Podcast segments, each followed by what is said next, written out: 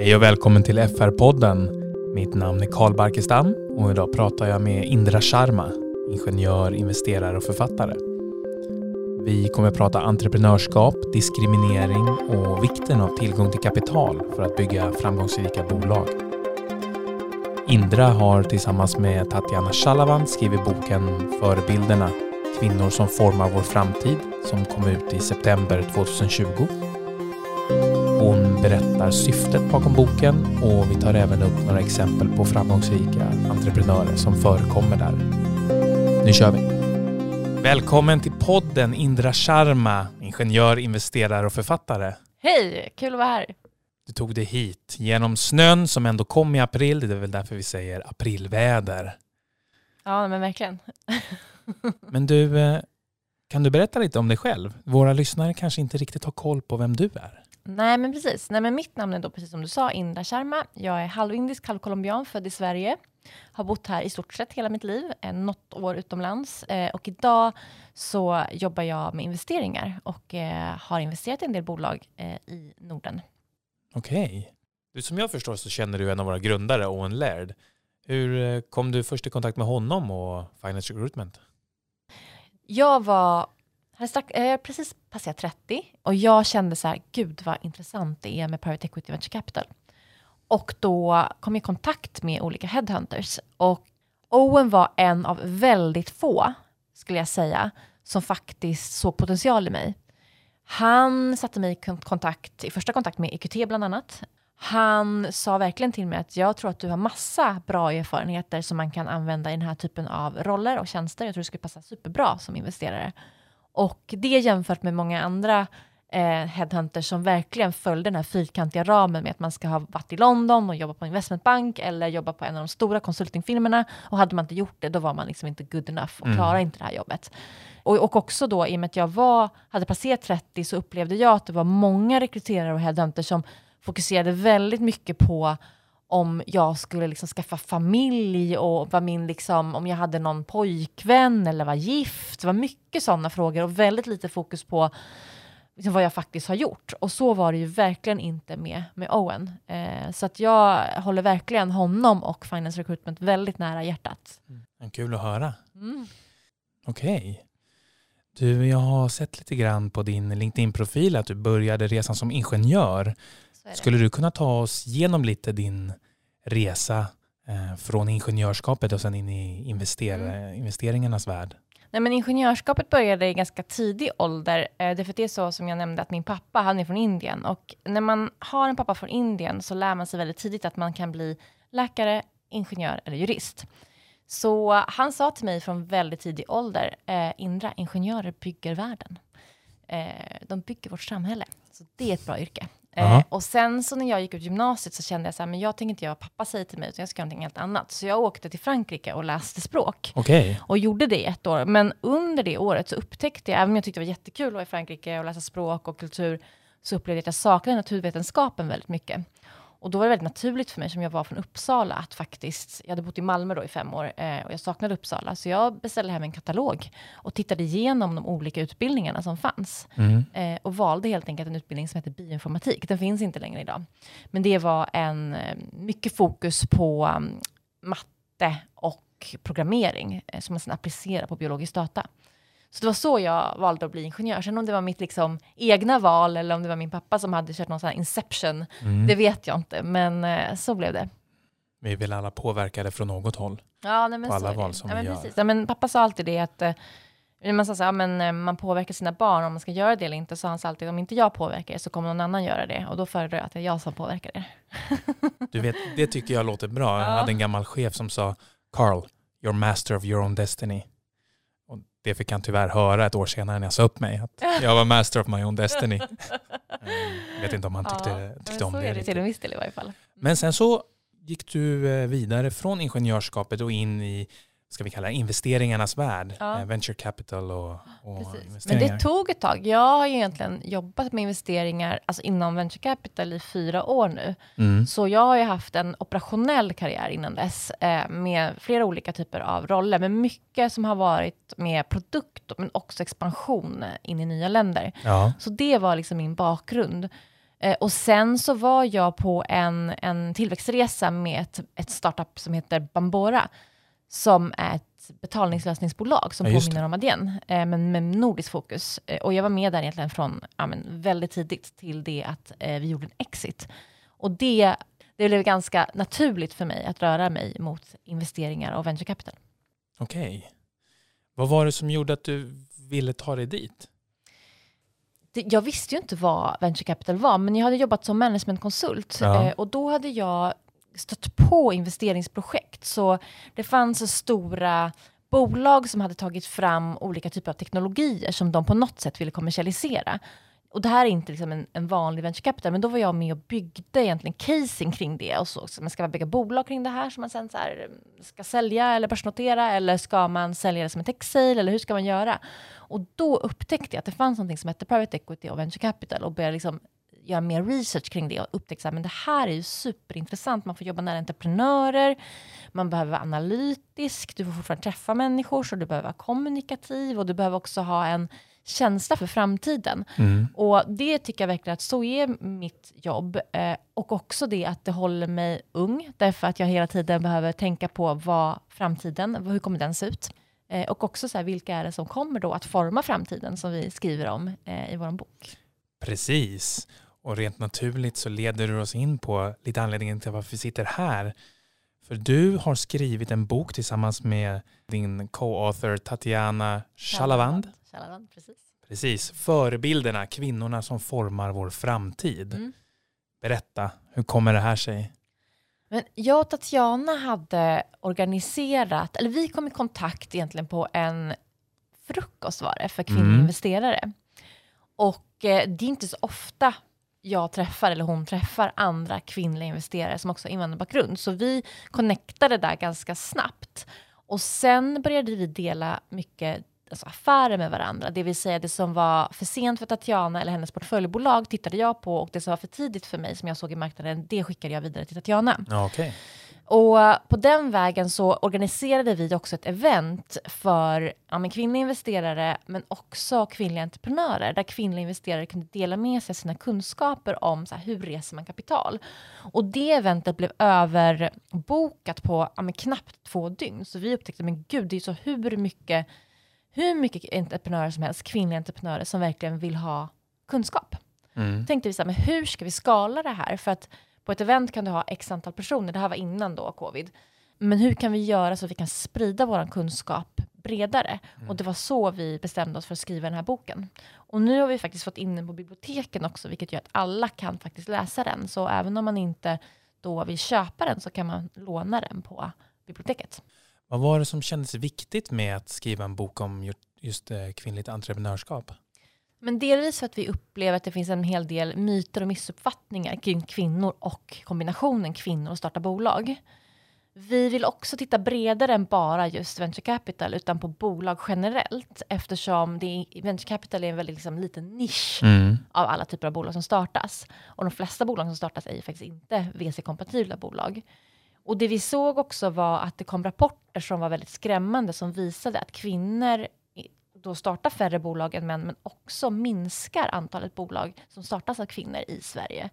Det börjar återhämta sig nu, men fortfarande så såg vi att Sverige låg väldigt mycket sämre till än andra jämförbara länder.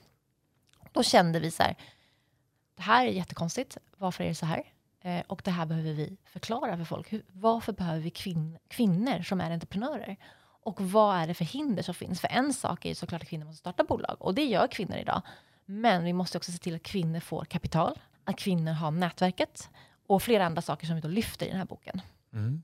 Ni har intervjuat cirka 30 Ja, entreprenörer. 33 entreprenörer.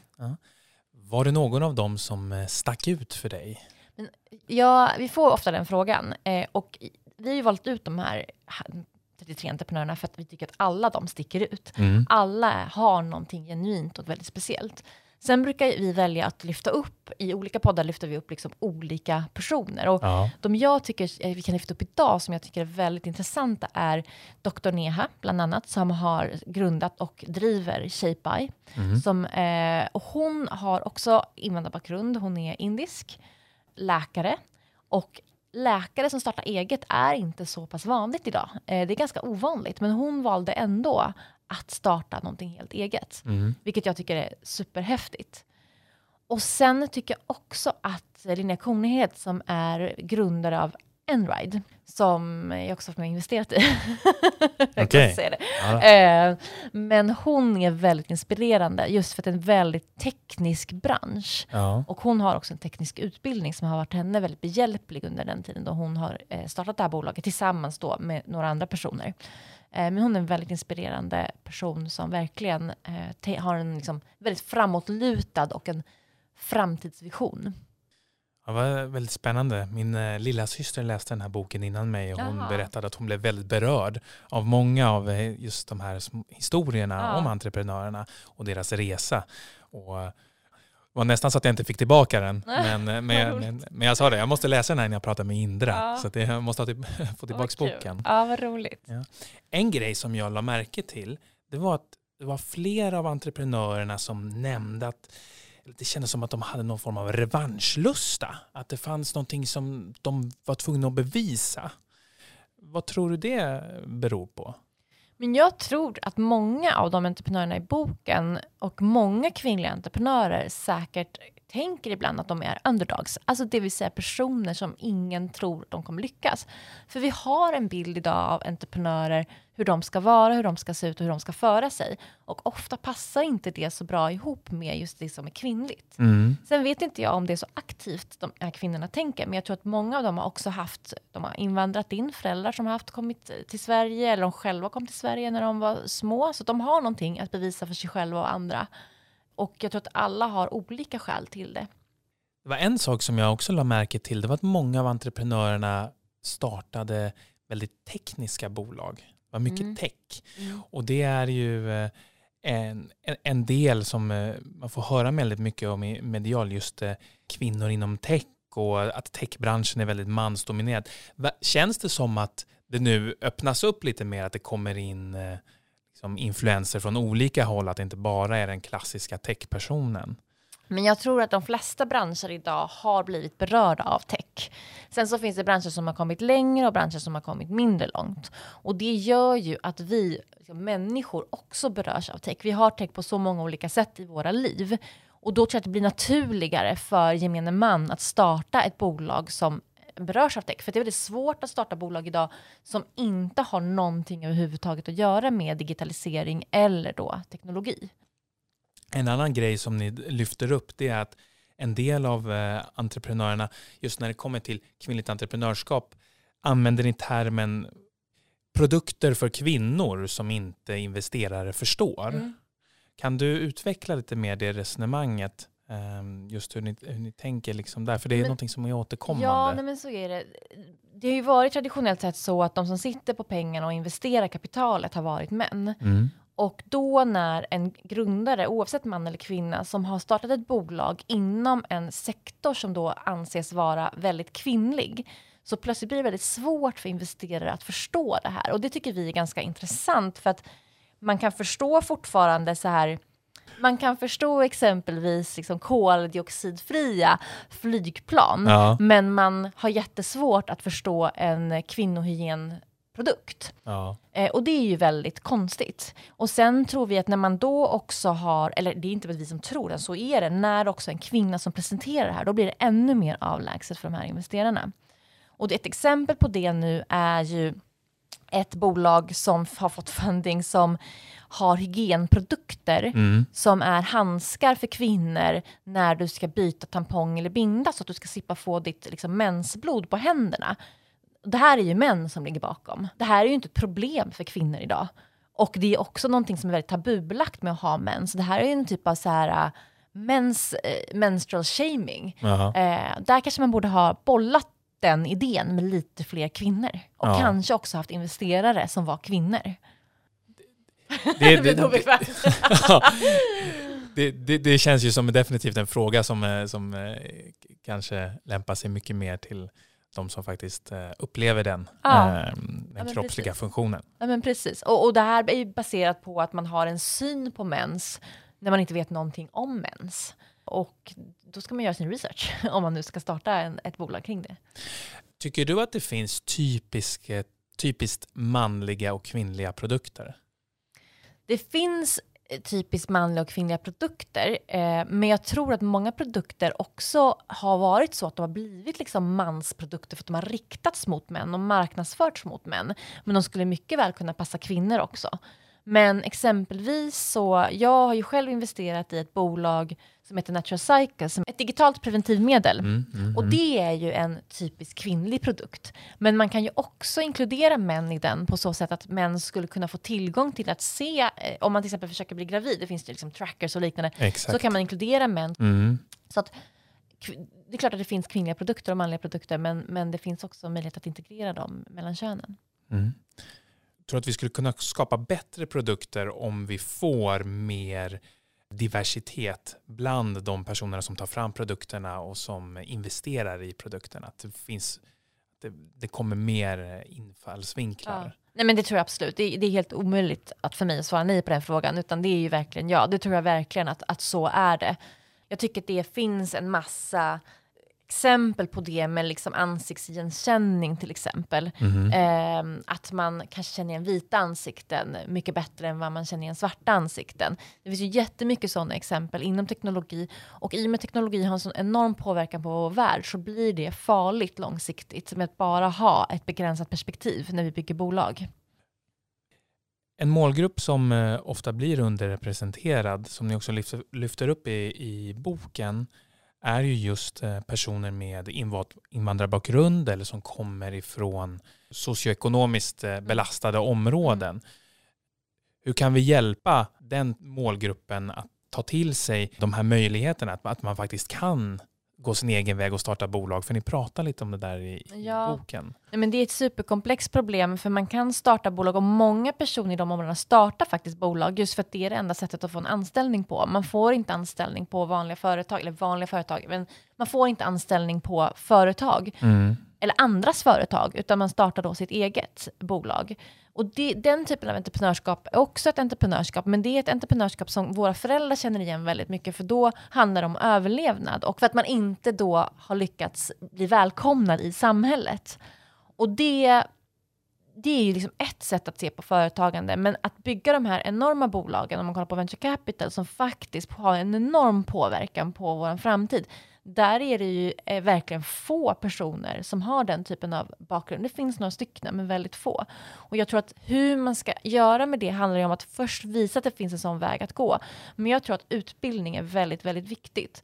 Och då menar jag olika typer av utbildning, men om du kommer in liksom på en teknisk utbildning eller på eh, någon av de väldigt bra skolorna så kommer du bygga ett nätverk och mm. där kommer du ha möjlighet att också starta den här typen av bolag och få den typen av, vad ska man säga, kunskaper som sen kan användas i att bli framgångsrik i sitt bolagsbyggande.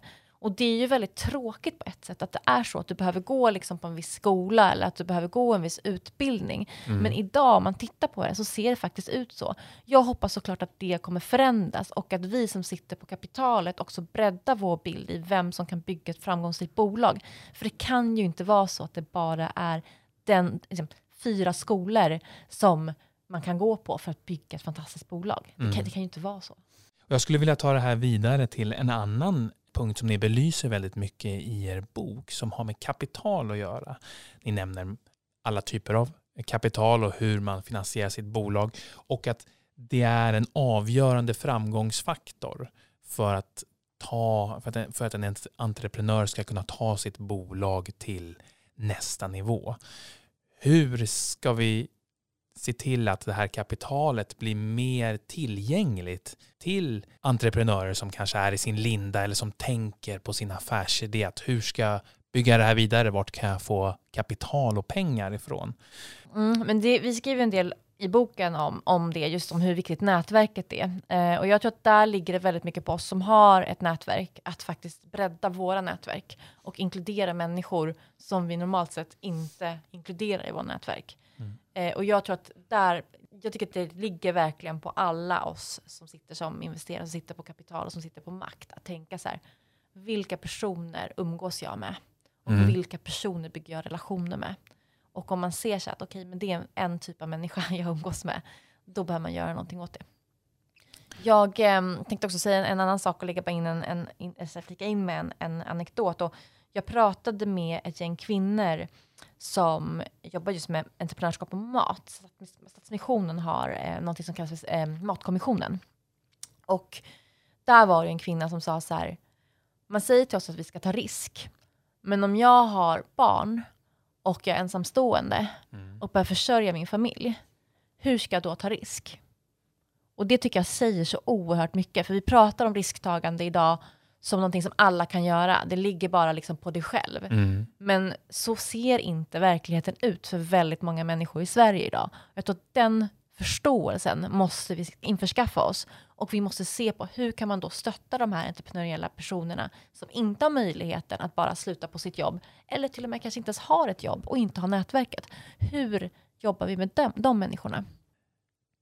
På tal om att starta bolag, har du någon gång funderat på att starta eget bolag? det, som, det som vi diskuterade lite innan, man, man blir ju inspirerad varje gång man träffar en entreprenör som har, liksom, som har den här visionen och den här övertygelse tänker man ja. så här, wow vad häftigt. Eh, samtidigt så trivs jag väldigt bra på investerarsidan. Mm. Jag upplever att jag verkligen har möjligheten att backa de människor som kommer att forma vår framtid, vilket jag tycker är superroligt. Sen så vet man ju inte vad som kommer hända i framtiden. Eh, jag tänker så här, jag har ju knappt jobbat en tredjedel av min karriär. Jag kommer säkert jobba i väldigt många år till. Så vem vet vad som händer? Aha. Spännande. Du, eh, på tal om att du, du säger att du jobbade knappt en tredjedel av din karriär, men än så länge har du gjort väldigt mycket spännande på vägen som du har gått. Och jag skulle vilja fråga dig, om du skulle kunna ge ett tips, eller du får ge fler, till eh, unga tjejer som kanske lyssnar på det här och tänker Indra, hon verkar cool. Jag skulle vilja göra samma sak eller gå åt liknande håll. Vad skulle du ge för tips till dem? Jag tycker alltid att man ska göra mycket research. Jag gör alltid jättemycket research på det mesta i mitt liv, mm. om jag ska vara ja. ärlig. så det jag skulle göra, om man tycker att investerarrollen är intressant, då skulle jag börja titta på så vad innebär det? Vad är det man gör när man jobbar som investerare? Och sen titta på vilka typer av investerarroller finns det? För det finns ju massa olika typer av investeringar som man kan göra. Man kan göra venture capital, man kan göra private equity och så finns det massa emellan det också. Mm. Och sen så skulle jag börja att, eh, det beror på liksom vilken ålder man är i, men då kan man ju faktiskt börja bygga sitt, liksom, sin erfarenhet efter vad det är man faktiskt vill göra. Mm. Och sen tror jag att det kommer öppna väldigt mycket dörrar och kanske leda till nya idéer. Eh, så att det man tänkte från början kanske inte är det man gör när det väl kommer till kritan. Nej. Men jag tror att det är så man, så man börjar. Man måste börja med att ta ett steg närmare det man, sitt mål då. Mm. Vad ligger härnäst för dig? Har du fått blodad tand på författarskapet? Kanske. Kommer det någonting mer? Eh, saken är så här, jag och Tatjana skrev den här boken tillsammans under tiden. Vi våra jobb är ju väldigt tidskrävande. Mm. Vi var gravida, vi fick barn under tiden. Och det har ju varit jätteroligt att ha gjort det här, men det är liksom inte så att jag sitter och tänker så här, nu ska jag göra det här igen, utan nu känner jag så här, nu har jag gjort det här, så nu kan jag bocka av det liksom. Och nu ska jag fokusera, liksom, nu är jag fortfarande föräldraledig, men nu ska jag fokusera liksom 110% på mitt jobb. Uh, så jag tror att det blir, det blir så uh, framöver. Jag tror inte jag kommer skriva en ny bok uh, de närmaste åren. Nej, men förhoppningsvis är livet långt och många nya ja, vägar och dörrar kommer att öppnas ja, längs precis. med vägen. ja, exakt. Ja. Men du Indra, jag skulle vilja tacka dig så otroligt mycket för att du har kommit hit och velat prata med mig ja. här på FR-podden. Jättekul att få komma. Ja. Kul att vi fick till det. Ja, och eh, jag eh, vill passa på att shout out och rekommendera alla som vill få lite inspiration från starka entreprenörer att gå ut till eh, bokhandeln och köpa förebilderna kvinnor som formar vår framtid. Ja. Och med det sagt så skulle jag säga hej då. Hej då.